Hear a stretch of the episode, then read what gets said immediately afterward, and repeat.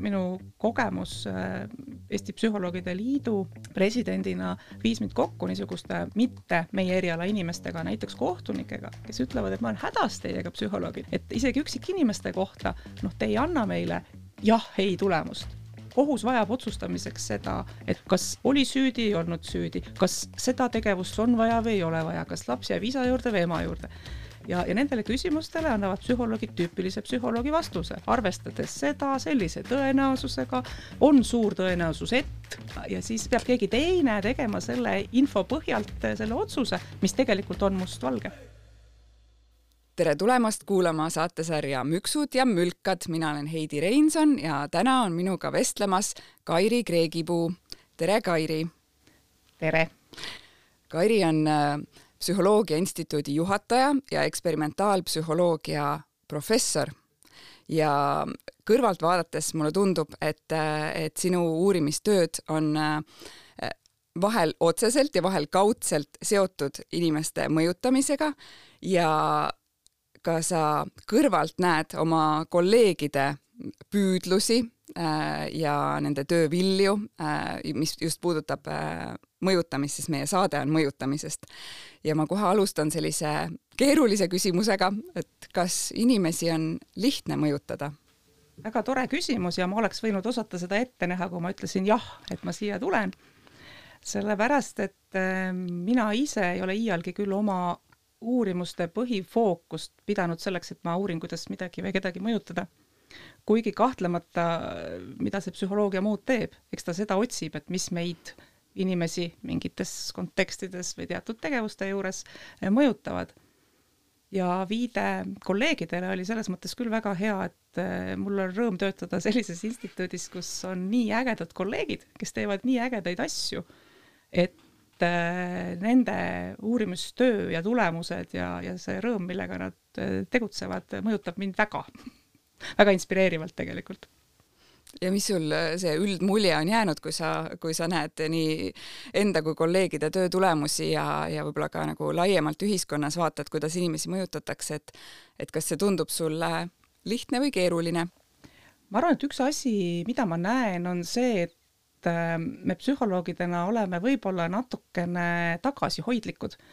et et ma isegi praegu ütlesin, et noh, et ega need minu uurimused otseselt ju mõjutusi nii väga ei uuri või ei tee kindlaks,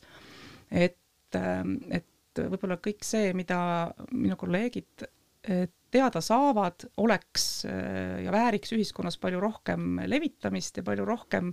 mõtestamist selles suunas, et, et kas see mõjutab midagi või ei mõjuta. Ja, ja teisest küljest ma annan sellise psühholoogi vastuse sellele, et, et eh, ma kardan, et inimesi on kaunis kerge mõjutada, aga ma ei ole kindel, kas me suudame seda kontrollida. Vot, vot. Ja see on huvitav, minu meelest on nagu eh, kaks, kaks nüanssi, üks on see, et eksperdi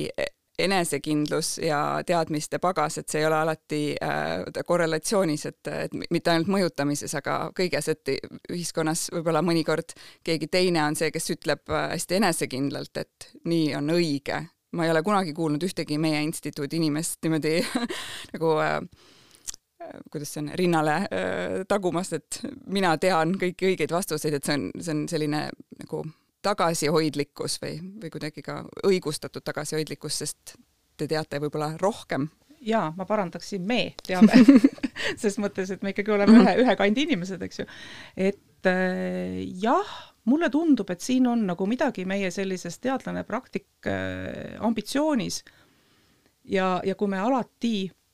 ka oma praktikuid välja õpetades nagu, nagu rõhume sellele, et, et sa pead teadma, kuidas need tulemused on saadud ja sa pead oskama hinnata, milline on selle mõju määr. Kui, kui suured on need efektid, sa pead oskama öelda, millest need sõltuvad. Noh, tegelikult me ju teame, et ei ole võimalik üles ehitada katset, kus kõik maailma asjad oleks arvesse võetud. ikka jääb mingi hägune ja hall ala, mida me ära ei seleta. mudelid arvutuslikult sageli näitavad ka seda ja, ja siis, siis me oleme oma teadustulemuste levitamisel võib-olla natuke tagasihoidlikumad kui keegi teine ja, ja tegelikult see puudutab ka praktikuid. et äh, minu kogemus äh, Eesti Psühholoogide Liidu presidendina viis mind kokku niisuguste mitte meie eriala inimestega, näiteks kohtunikega, kes ütlevad, et ma olen hädas teiega, psühholoogid. et isegi üksikinimeste kohta, noh, te ei anna meile jah, ei tulemust kohus vajab otsustamiseks seda, et ma teaks, et noh, kas oli süüdi, ei olnud süüdi, kas seda tegevust selle jaoks on vaja või ei ole vaja, kas laps jääb isa juurde või ema juurde.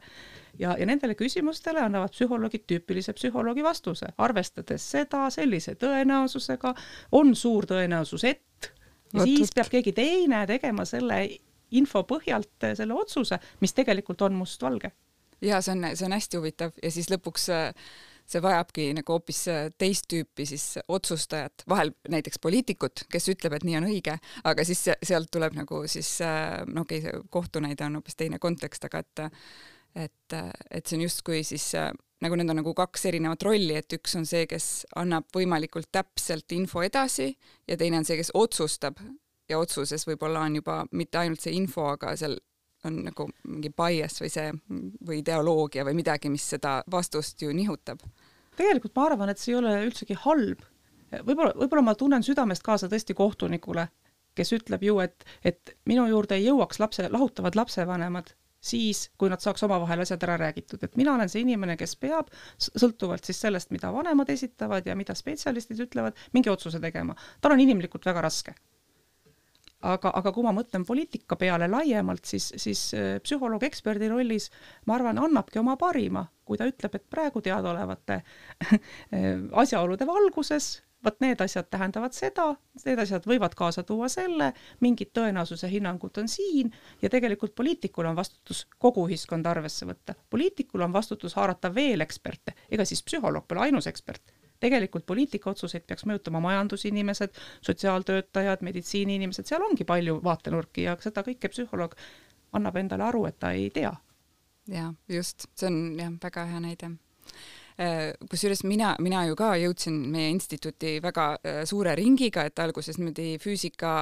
äh, keskkoolis olin füüsika-matemaatika klassis, siis läks, läksin majandust õppima, siis sealt jõudsin turundusse, tarbijakäitumisse ja sealt nagu lõpuks sain aru, et vot psühholoogia on see, mis, mis annab mulle need vastused, aga ma tunnen tihti, kuidas ikkagi see see tundlikus eas nende füüsikakatsete läbiviimine on mind, mind ja minu arusaama nagu katsetest äh, nii tugevalt mõjutanud äh, ja just, et no kuidagi see, mm, see ihalus, et oleks nagu mingi valem ja siis sa võtad kõik kõike võtad arvesse ja siis sa saad selle õige vastuse ja kui sa teed kolm katset, siis seal on mingi väike mõõtmisviga, aga noh, et need kõik lähevad sinna samasse auku. Ja on ähm, aga tegelikult majandusteadlaste kohta vahel niimoodi naljatades öeldakse, et nad üritavad nagu võtta liiga palju seda füüsika äh, loogikat, et et noh, et äh, oli vist isegi selline umbes anekdoot, et jah, et me suudame inimeste käitumist väga hästi ette ennustada, kui me eeldame, et nad on täiuslik kera ja tegutsevad vaakumis et umbes, umbes nii, aga et, et siis, et kas kas on üldse nagu võimalik mm, siis, et kui me mõtleme inimese käitumise peale, et võtta siis kõiki neid tegureid äh, arvesse, nii et, et me ei, me ei teeks sellist nagu absurdset eeldust, et kõik toimub vaakumis või et, et inimene on kera. see on väga tore, et sa, et sa ütlesid, kust sa tuled, et mina tegelikult tulen ka matemaatika-füüsika klassist, aga ma tulin natuke otsemini psühholoogiasse ja minul õnnestus alguses ka see vaakumiskera nagu kätte saada, sellepärast et mina alustasin äh, professor Jüri Alliku juures psühhofüüsika laboris ja psühhofüüsikaliste katsetega, mis tegelikult tähendas seda, et, et noh, ülekantud tähenduses oli meil vaakum ja kera, aga, aga et, et noh, tegelikult me ikkagi uurisime inimese nii-öelda otsustust või informatsiooni vastuvõtmise protsesse, me tegelikult timmisime väga täpselt paika stiimulid, noh, olid seal kas kriipsud, mis tulid üle välja, muutsid oma suunda või kiirust või suunda või, või põrkasid mingid kerad kokku või, või, või mingi asi ilmus. Ja, ja, ja me nii-öelda muutsime neid vaatlustingimusi või inimesele antud instruktsiooni ja me mõõtsime ära, mis ta vastab. noh, kas aja mõttes, et millal ta seda näeb või, või kas ta näeb ühte või teist tüüpi tajumuljet. ja tegelikult noh, ma saan rõõmuga nüüd öelda, et seal me kontrollisime inimese vastuseid ehk suutsime ennustada väga-väga täpselt. sellistes küsimustes on, on nii-öelda seletusprotsendid meie antud tingimuste ja inimeste vastuste vahel üle üheksakümne üheksa protsendi aga noh, nad on muidugi, ütleme, et see ei ütle meile seda, kuidas inimene päikesevalguse käes linnulaulu puudumisel ennast tunneb. Need ei ole need Just. küsimused -hmm. aga need on need küsimused, mida võib vaja minna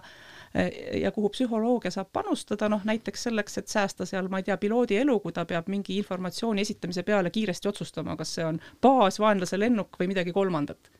et noh, et selline info, info esitamise viis, kus millisekundid on olulised ja kiirused yeah. väga suured. et seetõttu nagu see, et rõõm või tunnetus, et psühholoogia saab olla suhteliselt täpne noh, seesama otsib seal selles kera ja, ja mm -hmm. vaakumiga, aga tegelikult, et noh, et see võimalus, et psühholoogia uurib asju, mis on väga täpsed ja mida ka füüsikud suure tõenäosusega võtavad tõsiselt. ja see, see on väga kihvt näide, ma ei teadnud seda, just seda seost nagu piloodiametiga, et tegelikult see on ka väga praktiline, sest vahel äh, jääb mulje, et need äh, laborikatsed, mis on väga spetsiifilised, on justkui päris elust nagu hästi kaugel. Aga et äh, tegelikult on võimalik äh, nagu päris noh, ma ei ütle lihtsasti, aga noh, et on võimalik need sillad luua. Nad on tegelikult sõja kontekstis ja, ja äh, tööstuse kontekstis välja kasvanud küsimused. just nimelt, et kui inimene peab jälgima kahtekümmet tablood, seal on mingid vilkuvad signaalid, seal on mingisugused osutid, kas ja, ja kui hästi inimene eristab, et kas nurk on täisnurk või ei ole täisnurk, need võivad olla informatsiooni vastuvõtu ja valiku mõttes väga olulised küsimused, kus paarsada millisekundit on kriitilise tähtsusega, sest sa liigud lennukiga edasi juba märkimisväärse maa näiteks ja väga põnev, nii põnev ma.... ehk siis ma jah, ma võib-olla võtaks siin nagu selle koha kokku, et, et jaa, et mingites küsimustes saab psühholoogiline teadmine olla väga-väga täpne, aga see ei ole muidugi kõik, et psühholoogia on palju laiem kui nüüd see laboris istutud noh, kitsad küsimused. ja, ja noh, tõepoolest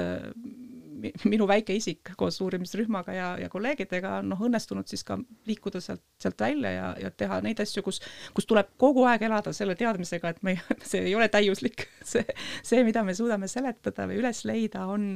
on võib-olla laiematele hulkadele huvipakkuv, aga kahjuks mitte nii, nii hästi ennustatav ja sellega tuleb leppida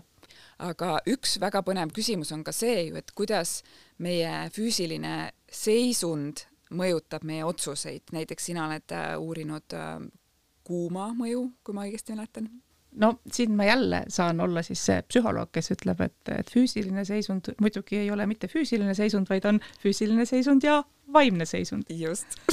Mis, mis jah, läheb hästi-hästi kokku nagu sellega, et, et, et meie ühes uuringutsüklis me vaatasime tõepoolest seda, kuidas ähm, kuum keskkond ja siis kehaline koormus, et mida nad teevad inimese infotöötlusprotsessidega. ja, ja me näitasime, et, et et tegelikult äh, see on päris suur koormus, sul läheb, sa hakkad tundma ennast väsinuna, sa, sa äh, ei, ei jõua enam siis väga keerulisi asju äh, väga hästi töödelda ja, ja, ja tõesti meile, meie tingimustes, kus inimene umbes tund aega oli neljakümne kahe kraadises soojas päris korraliku koormusega liigutanud, siis, siis seal oli juba märgata, et raskemad Äh, infotöötlusprotsessid, et me vaatasime siis töömälu sooritust, et need muutusid juba, juba raskeks ja läksid halvemaks, aga lihtsad asjad, kui sa pead lihtsalt tegema väga lihtsaid operatsioone, need säilivad päris kaua, need on hästi vastupidavad. Ehk siis noh, me saame öelda, et, et kui inimene hakkab ära väsima, kui ta on, on äh, kurnatud äh, seisundis, siis, siis, siis, siis loomulikult infotöötlus ei ole nii sügav enam, et sa, sa hakkad tegema lihtsamaid otsustusi, kasutad rohkem automaatseid protsesse automaatseid järeldusi, hüppad nendele kergemini, et sa lihtsalt ei jaksa. aga, aga positiivne tulemus oli muidugi meie uuringutest see, et, et kümme minutit puhkust taastas kõik. et küllalt kiiresti, inimene on küllalt, noh, küllalt äh, hästi taastub sellistest asjadest, noh, pisikestes ülesannetes, see oli nüüd natuke see labori teema jälle, aga, aga eesmärk sellel uuringutsüklil, mida me siis kehakultuuri teadlastega koos tegime, oli, oli ikkagi see, et vaadata, kuidas, kuidas Eesti inimene lõunamaa kliimasse sattudes võiks, võiks hakkama saada infotöötlusprotsessidega. väga põnev, väga põnev ja ma juba kujutan ette, et sellel on palju rakendusvõimalusi äh, nii tööelu organiseerimisel kui ka üldse jah, inimeste mõjutamisel näiteks äh, kuumal suvepäeval rannas, et, et siis võib-olla neid on kergem mõjutada. siis jäätis läheb ilma pikema mõtlemata. just aga kui äh, kui jah, tulla nüüd tagasi selle juurde, et sest tõesti noh, et see piloodi näide on ka ikkagi nagu mõnes mõttes noh, peaaegu nagu vaakum, sest me siis teame täpselt, et, et milline see tema töökeskkond on. ja ma praegu niimoodi sinu äh, juttu kuulates nagu taipasin, et, et need nagu need inimese käitumist nagu ütleme siis nagu inimese kui kodaniku või tarbija käitumist mõjutavad sellised ka kõik müksamisprojektid ja kõik, mis meil on ka ju laual olnud, et, et kui me, kui me mõtleme, et äh, näiteks kommertskeskkonnas ka on nagu see, ma ei tea, et kui sa lähed poodi, siis see, see keskkond on ka hästi ähm, jällegi mitte päris vaakum, aga et see on iga päev sama ja et, et selles mõttes need riiuli paigutus ja kõik on nagu selles mõttes kontrollitav. aga kui me siis räägime sellistest keerukamatest otsustest kui piimapaki valimine, räägime toitumisest, liikumisest, äh, elustiili küsimustest, et siis äh, tulebki lihtsalt neid tegureid nii palju juurde, et siis äh, sealt nagu noh, näiteks, et miks lapsed piisavalt ei mängi õues, et siis noh, et sellele küsimusele on lihtsalt palju raskem äh, vastata ja leida neid toimivaid sekkumisi ja lahendusi kui sellele, et vot me tahame seal poeriiulil seda, seda piima rohkem müüa, sest see on nagu, et seal on võimalik nagu seda keskkonda niimoodi mm, nagu isoleerida nagu ülejäänust. jah, ja, ja, ja tegelikult sellesse äh, ideaalse kera ja vaakumi metafoori saab ju ka kohe lüüa prao, sellepärast et et isegi piloot ei ole täiuslik. Ja, ja, ja mingil hetkel hakkab tema otsustusvõime sõltuma ka tema seisundist. jah, väga ja hakkab sõltuma sellest, eh, mis eh, on olnud enne või pärast seda kriitilist asja, mida me esitame, et noh, need nii-öelda stiimulid, me võime küll esitada ideaalselt hästi stiimulid, aga tegelikult, kui ta enne on näinud eh, midagi, mis tema süst-, sensoorse süsteemi ära adapteerib, siis ta ei märka seda nii hästi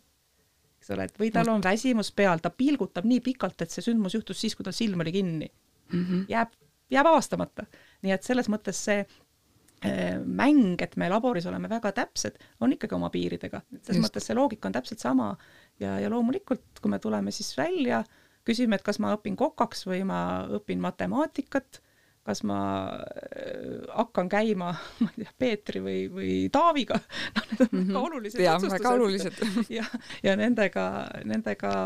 noh, me, me ilmselt selline äh, spontaansuse element jääb nagunii, juhuslikkuse element jääb sinna alati sisse.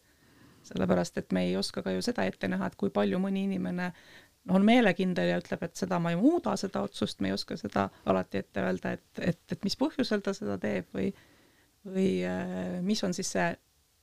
väike tuuleiil, mis teda tegelikult tollel hetkel pani teistmoodi otsustama ja, ja ka turundajad ilmselt, nüüd ma räägin asjast, millest ma väga vähe tean, aga noh, on valmis selleks, et muutub väikeste, väikese osa tarbijate käitumine mm. -hmm. selle nimel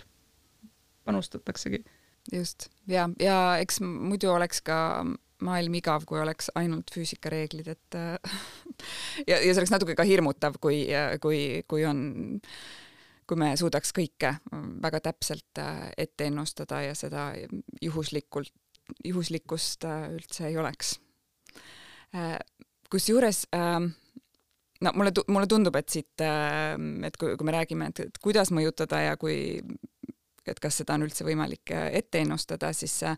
siis me kindlasti peame rääkima ka sellest, et, et kes inimesi mõjutavad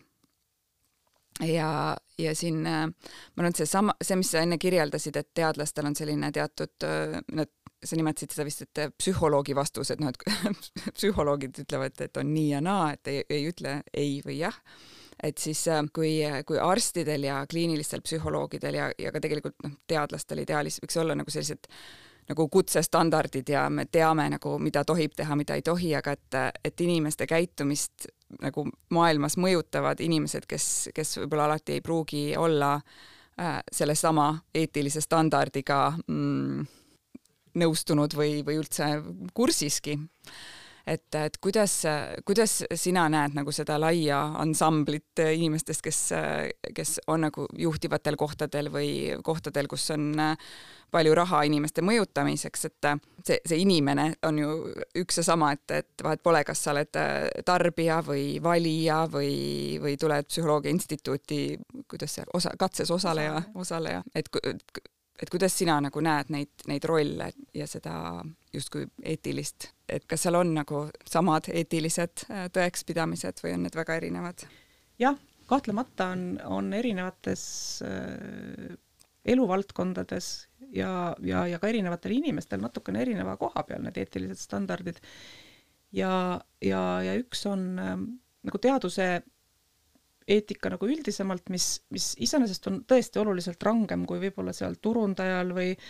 või Riigikokku kandideerival isikul, kes saadab sulle personaalseid sõnumeid,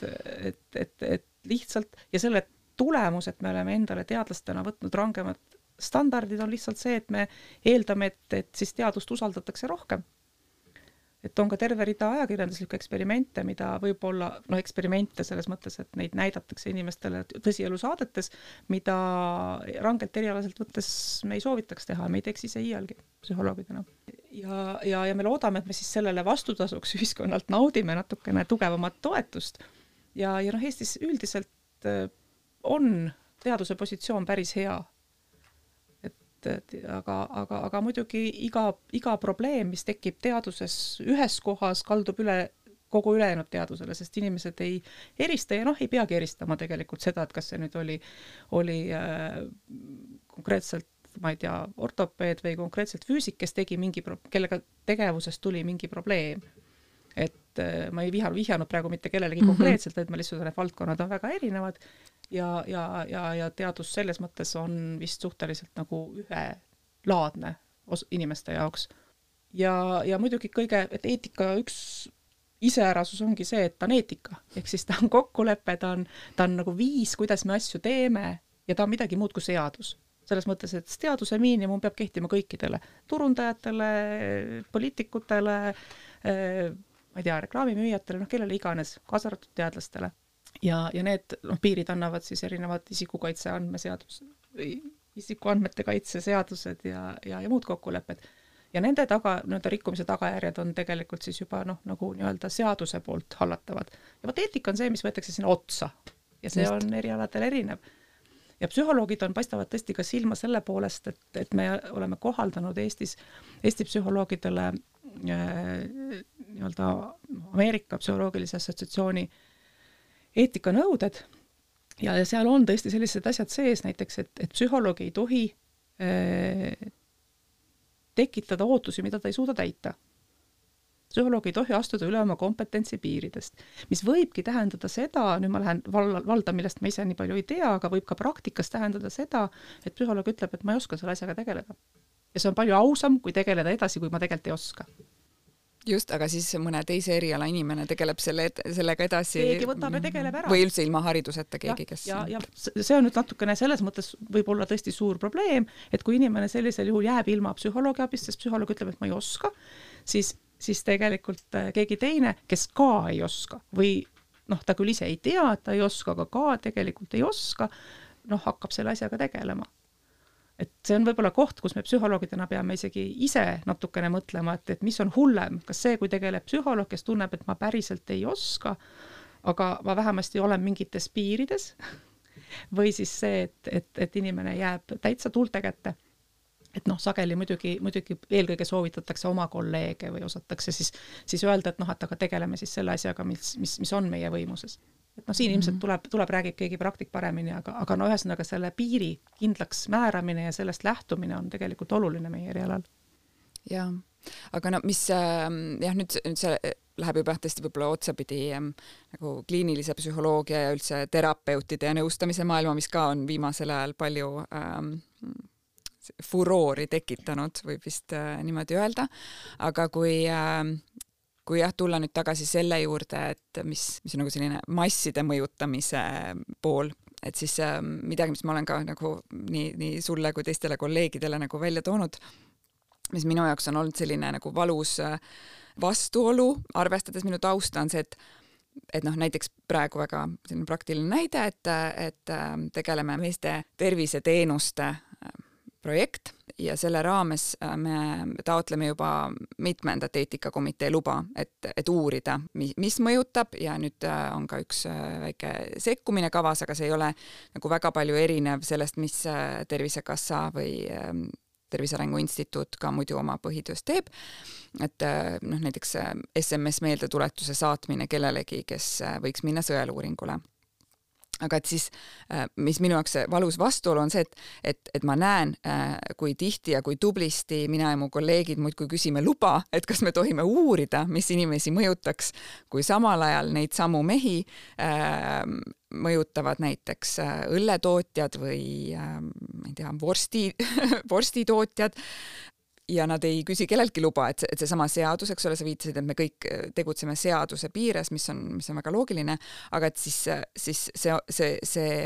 just see erinevus või nagu tegelikult see mängureeglite erinevus äh, erasektori, avaliku sektori ja ka teadlaste vahel on nagu päris, äh, päris suur, et see oli mulle nagu selline noh, üllatus niimoodi värske, värskelt tulles. Jah, tõsi, ja täpselt samamoodi on siis ju ka nagu kitsamalt psühholoogia vallas see, et, et, et igaüks võib panna püsti putka ja öelda, et siin saab psühholoogilist abi ja, ja sellisel juhul ei kehti talle nagu üldse mitte mingisugused, mitte mingisugused reeglid. et, et see koht, noh, vot me oleme ehitanud endale siis niisuguse kilbi, et me oleme head, ausad ja õiglased, aga, aga, aga, aga selle tõttu meie eh, ulatus võib olla nagu väiksem kui, kui, kui need, kellel on teatud ebaeetilisuse konkurentsieelis noh, kahjuks. Aga ma tegelikult tuleks äh, nii-öelda uuringute juurde küll selles mõttes tagasi, et et see eetilisuse küsimus tuleb ju sealt ka välja, sellepärast et äh, et suur osa Eesti uuringutest äh, tehakse no nii-öelda hangetele vastamise teel. Ja siin ma olen samamoodi näinud, et, et ma ise ja kolleegid on olnud nagu väga suurte dilemmade ees, sellepärast et uuringu ülesanded on sõnastatud sellisena, et, et neid ei ole võimalik täita kas siis selle ajaga või nende vahenditega või, või, või, või üldse noh, Eestis ütleme, et, et küsimus on, on üles seatud nii, et see, see mõju, näiteks küsitaksegi, et, et mis mõju on nendel asjadel millelegi, sa tead, et ahah, et pool, kolme kuuga ei ole võimalik teha ja siis on küsimus nüüd selles, et, et kas meie teadlane on nii eetiline, et ta ei lähe sellele pakkumisele üldse, jälle keegi läheb, keegi teeb ära, sest et kui rohkem pakkujaid ei ole, siis, siis valitakse ikkagi see parem välja. et, et siin ma küll näeks jälle kuidagi sellist, et teadlastele üldiselt, mitte isegi ainult psühholoogid, et, et rohkem nagu pöörata sellele tähelepanu, et need asjad, kuhu me teaduses raha paneme, oleksid nagu, nagu adekvaatsemalt ja, ja täpsemalt ja siis teostatavalt nagu üles ehitatud. jaa, see on ka jällegi, eks ole, seesama, et, et kõigile kehtiks nagu needsamad äh, reeglid, aga et juba mõne asja, see, seesama see märksõna mõju, eks ole, et siis, äh, et ähm, et nagu kõnekeeles see tähendab midagi muud ja võib-olla ise, isegi nagu erinevate valdkondade vahel kuidagi nagu see, see, kuidas suhtutakse mõju hindamisse, on olnud äh, noh, ka nende hangete puhul äh, erinev. Äh, kusjuures ma, mul endal on olnud suur au viimase paari aasta jooksul osaleda mitmes uuringuprojektis Äh, ka suured hanked, äh, mis on olnud ähm, seotud äh, soostereotüüpide uurimisega. ja just nagu eelkõige erialavalikul, aga siis üks projekt, mida me tegime Emori ja mm, Tartu Ülikooli koostöös, oli ka isapuhkuse projekt, et isad võtaksid rohkem isapuhkust välja, mis nüüd neile viimastel aastatel on võimaldatud selline lisakuu, mida ei või, ei, ei saa emadele delegeerida. ja ma tean, et sa ise oled ka äh, sel teemal äh, sõna võtnud äh, ja, ja ma kohe, ma teadsin, et, et tänases saates ma tahan äh, palju pühendada äh, aega sellele, et, et sinuga arutleda äh, esiteks äh, soostereotüüpide üle ja äh, sugudevahelise erinevusest rääkimisele ka. nii, aga alustame soostereotüüpidest, et, et äh, võib-olla raadio, raadiokuulaja, saatekuulaja ei ole seda konkreetset artiklit lugenud, millele ma enne ka äh, viitasin ja mis mulle väga väikeste laste emale äh, läks väga hinge. et äh,, et kuid-, kuidas sina näed seda, et, et kui tööalast rolli ja ema rolli vahel Äh, on äh, raske ühildada,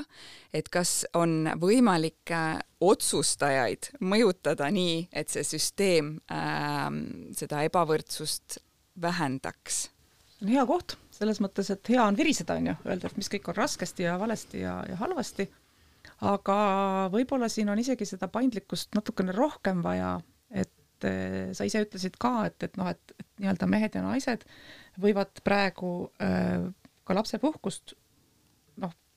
seaduse mõttes võivad väga hästi võtta mõlemad välja, eks ole, siin võivad mingid muud küsimused olla, aga tegelikult Eesti on, on päris äh, äh, raskes seisus ka mitte ainult emapuhkuse kasutamise osas, vaid ka vanemate või pereliikmete hoolduskohustuse poole pealt. et tegelikult neid küsimusi, kus me oleme noh, oma lähedaste tõttu ja, ja nende suhete tõttu, mis meil perekonnas on, oleme tegelikult mõnikord raskes olukorras, et täita nüüd neid kõrgeid nõudmisi, mida mõned ametid ja mõned tegevused nagu nõuavad, et neid on tegelikult veel, mitte ainult siis vanemapuhkus. et, et, ähm, et jah, ütleme, et teatud vanusest alates sul võib-olla väikseid lapsi enam ei ole, aga juba vajavad abi sinu vanemad ja just, ja ka hiljutise soolise võrdõiguslikkuse monitooringu järgi just nimelt väga paljudel Eesti naistel ongi see selline mitteametlik kohustus oma lähedaste eest hoolitseda, kes tihti ongi siis need eakamad vanemad näiteks, et see lihtsalt niimoodi ka teatud soorollide tõttu on langenud eelkõige äh, naiste kanda. jah, ja, ja, ja siis ongi niimoodi, et, et peale selle, et see on, eks ole, noh, tasustamata ja, ja, ja, ja omast ajast tehtav töö, mida sa mõnikord ju teed tegelikult ikkagi nagu rõõmuga, andes tagasi seda, mis hoolt ja, ja armastust sina oled tundnud, aga tegelikult arvestades nüüd neid tööturu äh, uksi, mis seal mäel ajal kinni lähevad, et, et see tegelikult on muidugi keeruline ja, ja ma ütleksin isegi seda, et et noh, kui tahta optimistlikult vaadata ja ma tegelikult olen hästi optimistlik tavaliselt, et, et noh, võib ju mõelda, et need naised elavad kümme aastat kauem aga see kümme aastat, mis nad sealt algusest kaotavad, seda tegelikult sa ei tee viie-kuuekümneselt tagasi. sest Just. sa oled kukkunud nendest rongidest maha, kus, kus öeldakse, et sa pead olema noor ja, ja, ja värskelt kaitsnud ja muud sellised asjad, kui me räägime akadeemilisest elust. loomulikult on ka loomingulistel erialadel ja, ja, ja teistes kohtades, kus professionaalsus saavutatakse, noh, need, need, need tegelikult probleemid olemas. et mina ütleksin, et äh, pilk instituudi juhatajana mis ei ole kogu maailm, on ju, aga ka noh, oma nagu lähendaste hulgas või tuttavate hulgas mulle tundub, et see ikkagi, ikkagi mõnes äh, lõigus vähemalt ühiskonnas muutub vaikselt selles suunas, et mehed võtavad seda rolli ka kanda. noh, esialgne mõte, et, et anname emadele emapuhkuse, tegelikult seadiski ju naised halvemasse olukorda. ja see ongi selline huvitav paradoks, et, et, et hästi, aga välja kukkus noh, vot niimoodi, et, et tegelikult nad olidki kauem eemal tööturult ja noh, mina saan öelda, et, et meil äh, teadusrühmas on äh, äh, väga palju väikeste laste emasid ja see töö korraldamine on kohati raske, sellepärast et, et lapsevanem ikkagi on, ei ole oma aja peremees. see, kui laps jääb haigeks, mõned nendest haigustest on sellised, et sul ei ole isegi võimalik läpakat lahti teha, sest et tal on ma ei tea, seedeproblem, noh, igasuguseid mm. asju, ma ei hakka neid siin kõiki nimetama, et sa lihtsalt ei saa, ei olegi võimalik, isegi kui vaim lubaks, füüsiliselt ei saa. et, et, et noh, neid tõrkeid ikka tuleb ette ja need on päris emotsionaalselt päris rasked, aga, aga, aga mulle hetkel tundub, et me oleme neist nagu, nagu üle saanud, aga noh, muidugi, ega see kerge ei ole. ja selles mõttes see, see, ähm, sa esindad seda äh, optimistlikku äh, poolt, mida me oleme ka oma intervjuudes paljude juhtide, personalijuhtide ja õpetajatega nagu tajunud, et äh, loodetakse ja nähakse, et, et läheb ju aina paremaks ja nagu lähebki. aga mis noh, võib-olla ma ise muidugi, ma siin saan kohe eetrisse öelda, et ma olen nii olnud nii äh, heas positsioonis, et nii minu äh, senine juht äh, Emoris, kui ka nüüd ma kuulen, äh, lugesin äh, Kairi sinu artiklist, et just, et see kuidagi see tunnetus, et, et tegelikult noored emad ongi hästi tublid, et, et me suudame oma aega võib-olla isegi nagu paremini planeerida, et, et Emori juhataja Karin Niinas kunagi ütles, et, et vot emaks saamine muudabki naise palju palju paremaks. et, et siis on ju lust töötada sellises töökeskkonnas, kus, kus su ülem ülemus ise või sinu otsene juht nagu näeb ja usub sellesse, et aga et mida kahjuks need teised uuringud on meile näidanud, et, et tüüpiline juht, kes Eestis on ka tihti ju mees, ei, ei näe seda nii, et ta ei näe, et, et vau, et sa oled nii tubli naine, sul on kaks noort, kaks väikest last ja ma tean, et, et tänu sellele sa tegelikult oled palju äh, tublim, oskad oma aega paremini planeerida ja kõik need äh, sellised väiksed äh, nipid ja mis sa ise oma artiklis nii kihvtilt ütlesid, et perfektsionismi äh, võib-olla see äh, varasem äh, perfektsionismi püüdlus nagu äh, läheb võib-olla natukene sellisele um, tervislikumale äh, tasemele tänu sellele, et, äh, et, et, et äh, ma tahtsin jah sinuga arutleda, et et kuidas aidata järgi neid töökeskkondi, kus, kus võib-olla ei ole seda hoolivat ja toetavat juhti, kes nagu mõistab, et, et, et ei kanna sind maha ma, ma siin korraks tsiteerin, see, see puudutab nüüd isasid, mitte emasid, aga et üks firmajuht meil intervjuus ütles, et et isapuhkusel mees, kui ta kuuks ajaks läheb, et see on, see on nagu katkine masin ja mis ongi, ma saan aru, et praktiliselt on noh, et see masin läks katki, nüüd kuu aega on töö tegemata ja selline jama kaelas. no ma tegelikult selles mõttes kahjuks ei saa olla nii optimistlik, et kui ma vaatan praegu ka näiteks meie töötajate peale, siis, siis noh, ma võin mõista ja ma võin olla nagu, nagu sõbralik selles osas, aga tegelikult ega, ega suures osas töö tulemuste osas allahindlust teha ei saa. et see on nagu, nagu tegelikult ikkagi raske koht, et ma näen, et pigem nendel inimestel ongi noh, topeltkoormus või neil on nagu, nagu lisa, lisakoormus sellega.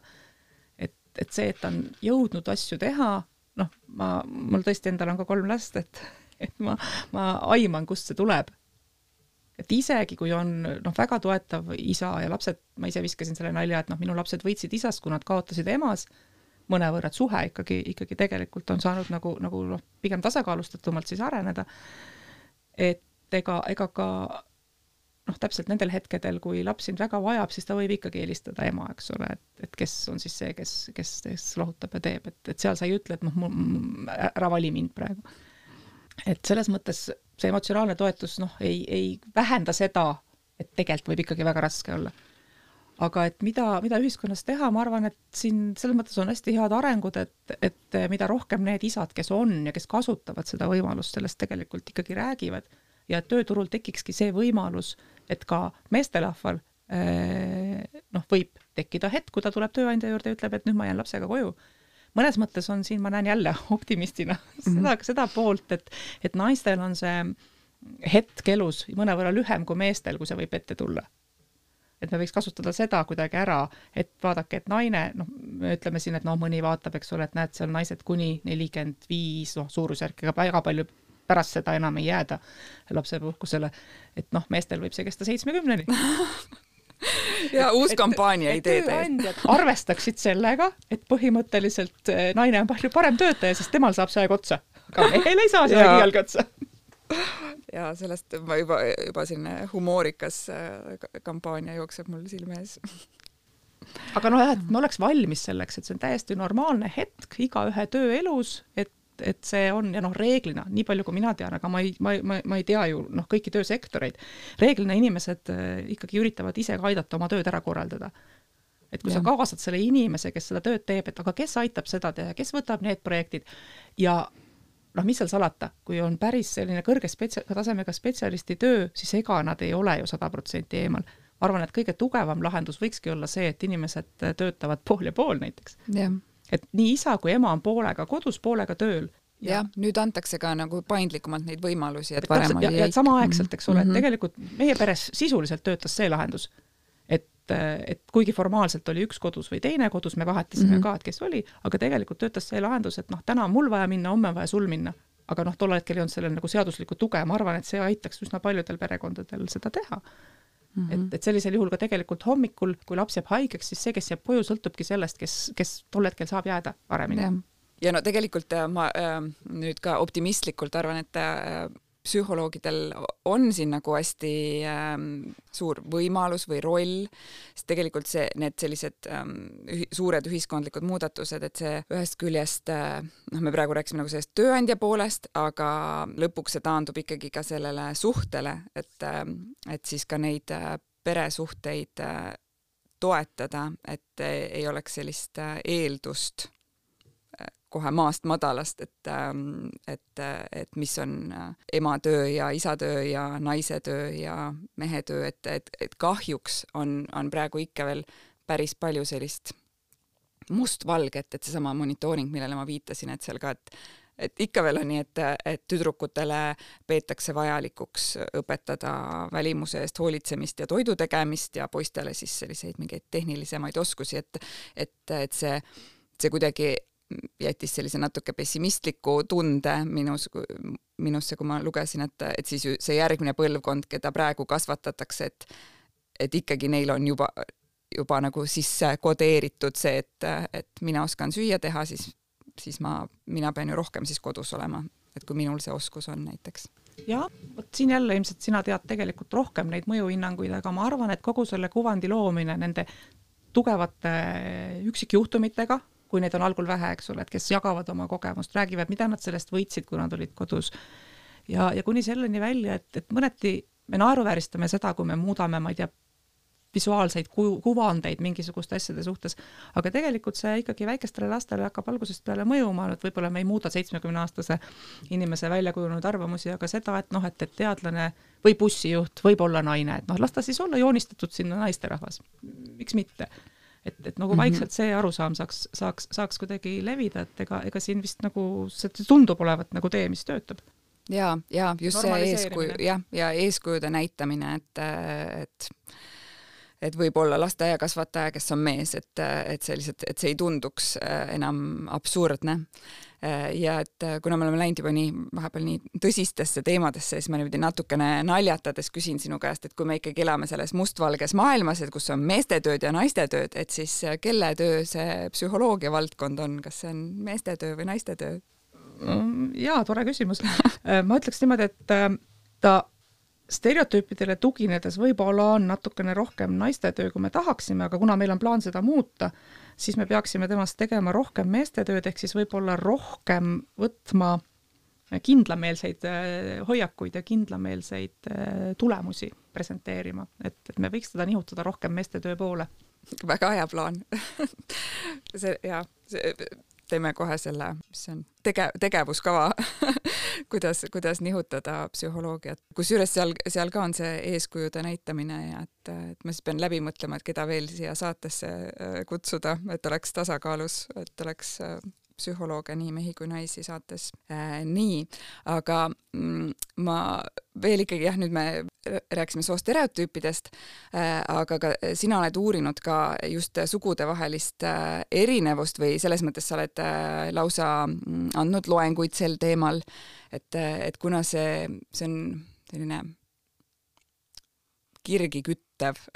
teema, võib öelda, et, et, et kas siis on erinevused ja kas need on kaasasündinud või kasvatatud ja mis on need põhilised erinevused, kui me mõjutame mehi ja naisi, et ma lihtsalt loetlen nagu selliseid jälle stereotüüpe, et naised on kerg-, emotsionaalsemad ja kergemini mõjutatavad ja näevad, naised teevad selliseid impulssoste, aga mehed teevad ratsionaalseid valikuid, et et, et kuidas sina selliseid stereotüüpe sugudevahelises erinevuses näed? jah, meil oli tõepoolest selline ainekursus, aga see oli väga ammu. ja, ja, ja ta oli selles mõttes hästi tore, et me tegime Monika Schmidtiga ja ja, ja Keit Kaadu ka mingil hetkel mitmekesi seda, jagasime erinevaid tükke ära, et, et ähm, ta oli nagu endale sisseelamiseks nagu väga hea, sest olgem ausad, see on asi, mis inimesi erutab psühholoogia juures. ja, ja ma pean tunnistama, et ega ma hirmus targaks sellel alal nagu ise, ise ei olegi saanud, et et, et mulle meeldib ikkagi see seisukoht, mida, mida, mida praegu valdavalt jagatakse, et, et erinevused äh, sugude sees on ikkagi oluliselt suuremad kui sugude vahel. ehk siis, ehk siis, ehk siis isegi kui me tuvastame, vot see nüüd selle kohta, et me teeme superuurimuse ja tuvastame mingisugused erinevused. no näiteks seal, seal teatud ruumilise mm, info vastuvõtmise juures on meestel erinevused, isegi kui me paneme need psühholoogia terminitesse, need on päris suured standardarbeühikutes Äh, või, või, või, või siis mõnes, mõnes üksikus kohas veel, aga kokkuvõttes on selles, et noh, et, et mis mul sellest nagu, nagu põhimõtteliselt nagu kasu on. et kui ma ikkagi tegelen nüüd, mul tulevad tööle kaks inimest, äh, tahavad töökohta saada, üks on mees, teine on naine, siis, siis, siis noh, ma ei tea, kas meie juurde on jõudnud sealt nagu ülemisest otsast mõlemast äh, selle võime osas, mis oluline on, või midagi muud, et tähtsam on nagu, nagu sõltumata sellest, kas ta on mees või naine, aru saada, et kas see oluline tunnus on tal olemas või ei ole. Et ma ütleks, et sellest on nagu väga vähe kasu, kui me üldiselt teame. nüüd, kui, et, et, et, et, kuskil põhimõtteliselt on tuvastatavad teatud erinevused, et, et nii-öelda iga, igapäevaelus on sellest, sellest üksikisiku tasandil väga vähe tasu, kasu mu lemmiknäide on alati selles, et noh, me teame igaüks, me teab, põhimõtteliselt me teame, et mehed on pikemad kui naised. selleks ei pea isegi mm -hmm. mitte mis uuringut tegema, et noh, kõik tabelid näitavad ja, ja, ja on ammu kindlaks tehtud, aga sellegipoolest igas suvalises seltskonnas on naisi, kes on pikemad kui mehed noh, nii ongi. Kõik, kus ma lähen sellega siis nüüd. aga kui sa tõesti avad nagu selle ukse, et kas äh, laias laastus, kui ma tahan kõikidele Eesti meestele ja kõikidele Eesti naistele midagi maha müüa, et kas seal võib erinev strateegia töötada, siis, siis statistiliselt tõepoolest ilmselt võib jah mingisugustes kohtades, no juba see, et sa saad, sa saad hipodroomilt kätte võib-olla rohkem mehi, eks ole, ja nii edasi, et et need, aga need on käitumuslikud erinevused. jalgpallistaadionilt saad kätte rohkem, rohkem mehi ja, ja see on ka vist üks väheseid kohti, kus, eks ole, naiste tualetis ei ole saba jah, aga vot seesama näide, mis sa tõid selle ruumilise, mis see oli, mingid ülesanded, eks ole, sa pead tegema mingit äh, ruumi, ruumilist taju. ruumilist mõtlemist või? et ähm, kas, kas see on siis äh, kaasasündinud erinevus või on seal taga ikkagi äh, legode ja barbide kinkimine kolmandaks sünnipäevaks? Õudselt hea küsimus ja ma jälle ütlen, et vastus tuleb niisugune psühholoogi vastus ehk siis suure tõenäosusega tõepoolest evolutsioon on mingeid asju no, soodustanud, eks ole, teatud tegevusliikide kaupa, kellelgi rohkem, kellelgi vähem noh, nagu nad ütlevad, et, et jaa, võib-olla tõesti, et mehed liikusid suurtel aladel ringi, maa-aladel, et jahti pidada ja naised siis vaatasid, et kodu ümber kõik korras oleks. ja kõik, kui see kõik toimus seal kümneid tuhandeid aastaid, et võib-olla selle käigus on tõesti võimalik, et kellelgi oli eelis ellu jääda. võib-olla tõesti, aga samas näitavad ju ka mõned uuringud seda, et, et kui riigid muudavad oma poliitikaid, tekitavad võimalusi äh, mõlemast soost äh, lastele või, või, või, või, või tekitavad mingisuguseid äh, programme, siis hakkavad need erinevused vähenema. järelikult nagu ongi mõlemat. järelikult nagu ongi niimoodi, et me peaks vaatama, et me oma keskkonda nii ei kujunda, et see igal juhul suurendab neid erinevusi, kui nad ka on olemas sellepärast et iga üksik lapse puhul või iga üksiku inimese puhul noh, on see vahe ikkagi nagu, nagu selles mõttes olematu, et mina olen mina, eks ole. ja mina peaksin tegema oma otsused selle järgi, kes ma olen, mis mulle rohkem meeldib. aga siin on üks palju huvitavam küsimus tegelikult, on see, mida ma olen proovinud ise ka küsida ja võib-olla kui sul tuleb siin keegi õige inimene, siis, siis küsi edasi. et, et mis on nagu arengulises mõttes õige või psühholoogilises mõttes õige, kas tegeleda sellega, mis sulle meeldib ja hästi välja tuleb juba algusest peale, ehk mille kohta sul võib-olla ongi, eks ole, kaasasündinud eeldus, või pigem on psühholoogiliselt õige tugevdada neid asju, mis sul ei ole nii head? oo, see on väga hea küsimus. kelle käest me võiks seda küsida? see on selline klassikaline arengu, arengu, arengu küsimus, mida lapsevanemana ma olen korduvalt mõelnud ja, ja mina olen proovinud küsida noh, kas Tiia Tulviste või Pirko Tõugu või, või nendega, kes noh, arenguasjadega nagu tegelevad, et see on tegelikult üli, üli nagu huvitav küsimus. sellepärast et noh, mugavam toimetada selles tsoonis, mis sulle meeldib, aga võib-olla psühholoogiliselt õigem on hoopis nagu omada rohkem kogemusi. Ka nende asjadega, milles sa algul tunned ebakompetentsena ja mind ei huvita, aga teatud tasemest üle saades hakkab jubedalt huvitama jaa, kusjuures see, see küsimus on äh,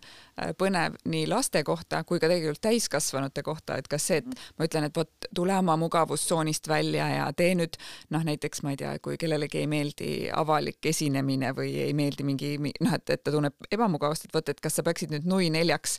oma hirmust üle saama ja seda muudkui harjutama või tegelikult võiks öelda, et vot mina nende asjadega ei tegele, mina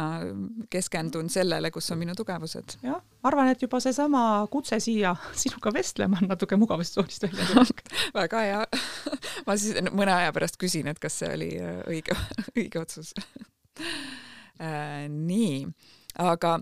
ma nüüd äh, küsin, me oleme üldse, on väga-väga selline isiklikku laadi äh, vestlus olnud ja ma loodan, et ka, äh, ka teised vestlused siin saates on sellised mitte liiga akadeemilised, vaid just isikliku touch'iga. et sa oled ju ka kõigest inimene, mitte ainult psühholoogia instituudi juhataja. et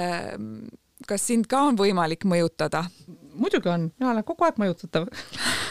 kas sa raatsid jagada mõnda, mõnda näidet? väga mõjutatav, aga, aga noh, küsimus on selles, et ma ei tea ka alati, kas see on nagu, nagu ilmtingimata käitumises, aga, aga minu tuju teevad küll väga paljud asjad heaks. no ja sellest mõnikord ju piisabki, eks ole, et, et, et kui äh, siin keset seda märtsi lödi on, eks ole, päike väljas, siis see on juba ikka väga kihvt ja nii vähe on õnneks vaja või kuidas öeldakse jah, et sellised asjad küll, aga, aga noh, nagu niisugused ma ilmselt ei tahaks öelda, et ma õudselt äh, targemaid ja, ja, ja kompetentsemaid inimesi nagu kuulan ja, ja, ja, ja teen, aga noh, ma ei ole ka alati kindel. et, et mõnikord on mugav, just nagu sa ütled, mõnikord on mugav ikkagi mitte mõjutada ja need kohad, kus me ei tea, et me oleme mõjutatud, neid on ju väga palju. aga kas sa oled mõnikord nagu tagantjärgi noh, lähtuvalt oma erialast mõelnud, et oot-oot, et seal mind vist mõjutati, nii et sa selles olukorras ise võib-olla ei, ei tajugi seda ja see ongi niimoodi disainitud, aga et, et tagantjärgi oled mõelnud, et vot miks ma seda tegin või miks ma seda ostsin või miks ma läksin selle vooluga kaasa? jah, võib-olla sagedasem on tõesti nende, nende sinu poole pöördujate juures nagu märgata, et praegu ta tahab öelda noh, umbes niisugune, et, et, et kena proua, pidage kinni et siis sa saad aru, et ta tahab mulle head tuju tekitada, mis juba läks korda aga, aga et, et siis, siis seda tunnet, et ma siis nagu, no kui sa juba selle ära jagad, siis sa tegelikult ei lähe sellega kaasa, eks ju mm -hmm. kuigi, kuigi õudselt ebamugav on et me ilmselt peaksime omama nagu paremat arsenali nagu kindlate eituste tegemiseks. aga jah, ma ei ole muidugi väga originaalne, kui ma ütlen, et, et muidugi oskavad äh, väiksed lapsed väga hästi mõjutada. see on jah väga tüüpiline, et iseenesest ma arvan, et see kokkuvõte on küll see, et, et ma olen väga hästi mõjutatav ja ma väga ei muretse selle pärast, sest et lõpuks sa ikkagi ju vastutad ise oma valikute eest, et et kui nad läheksid nagu väga mööda nendest asjadest, mida sa õigeks pead, siis, siis ilmselt ei oleks. aga et sellistes piirides, kus hirmus oluliseks ei pea, siis, siis on ju mugav, kui, kui keegi aitab otsustada. kas äh, sealhulgas ka näiteks äh, reklaam, äh, ühes lähi, lähiaja saates äh, tuleb meile külla ka Talis Bachmann, kes on reklaamipsühholoogia guru. Äh,, siis äh, see tüüpiline inimeste nagu äh, hinnang on ju see, et ah, mind, mind küll reklaam ei mõjuta, aga noh, kuna sul on ju ka see selline professionaalne kretinism, et siis ma äh, eeldan, et sa seda, seda ei väida, et reklaam sind üldse ei mõjuta, aga et kas sa oled nagu ennast analüüsinud näiteks sellistes just nagu kommertssituatsioonides, et äh, kuidas brändid ja reklaam või, või hinnakampaaniad sind mõjutavad? Mina olen nii vana inimene, et ma mäletan seda aega, kui olid telereklaamid televiisoris, noh, näidati multikate vahele näiteks. kuule, neid näidatakse praegu ka lihtsalt, sa, sa oled võib-olla nii popp ja noortepärane, et enam telekat ei vaata. ei, aga need olid väga spetsiifilised, need olid sellised, et siidrätikud Tallinna Kaubamajast. ja tõesti, see oli nagu selline hetk, kus ma juba lapsena tajusin selle ära ja noh, muidugi täiskasvanud mu ümber ka rääkisid sellest, et et Jeerum neid reklaamitakse sellepärast, et keegi neid ju ei osta. et noh, et tollel hetkel oli see see mm -hmm. maitse küljes, aga noh, nüüd mm, eks ma ikka, eks ma ikka katsun või, või, või kõige lihtsam on vist märgata seda, et ma sattun, sattun mõnikord kuskil eh, veebikampaaniasse, et sulle tuleb, tuleb, hüppab mingi aken lahti ja ta ütlebki, et noh, et, et täna õhtuni vaata, et siit saad huvitavaid, huvitavaid asju, mida, kui tundub, et on vaja või et, et võib-olla, et ma vaatamas käin küll päris sageli selliseid reklaame ja, ja siis, kui sa märkad, et, et homme on ka tegelikult veel täna õhtuni, siis on natuke ebamugav tunne küll. nii et äh, jah, ma nagu võin sattuda selliste asjade äh, õnge, aga, aga ma ilmselt ei ole läinud küll siiani oma elus üle mingite piiride, et ma olen selles mõttes väga, väga kitsi sellistes asjades. Aga kas, kas sa näed, et kas siin on ka võimalus ähm, psühholoogidel Äh, inimesi kuidagi aidata, et äh, kui ähm, võib ju ette kujutada ka olukordi, kus inimesed ähm, ostavad näiteks üle oma võimete ja neid tõesti mõjutatakse nii, et et nad võib-olla lähevad nendest ähm, piiridest äh, üle, et siis kas lisaks seadusele oleks ka mingeid selliseid psühholoogilisi nippe, mis inimesi võiks kuidagi aidata siin sa viitad ilmselt ikkagi päris tõsisele probleemile, et, et mul on üks päris hea tuttav sotsiaaltöötaja, kes ütleb tegelikult, et väga sageli ta töötab oma klientidega just sellest, et, et elementaarset raha kulutamist õpetada. et, et siin ei ole isegi ilmtingimata küsimus vaesuses ja rikkuses, selles mm -hmm. mõttes, et noh, me jälle kõik tuleme ju sellest ajast, kui ikkagi raha üldse ei olnud ja, ja, ja, ja noh, siis kes, kes nagu püsib piirides ja kes ei püsi et vot ma neid nõkse ei tea, aga seda õpetust on kindlasti vaja. õpetust on kindlasti vaja, et noh, ta natukene nagu, nagu hasartmängude juures ju ka, et, et, et noh, tore, kui sa suudad kontrollida ja olla mingisuguses oma viiekümnes euros või mis iganes sul see kokku lepitud piir on, siis on ta meelelahutus. samamoodi võib olla siis, eks ole, niisugune meelelahutus see, et ma püüan, et kas ma täna leian toidukorvi odavamalt või mitte.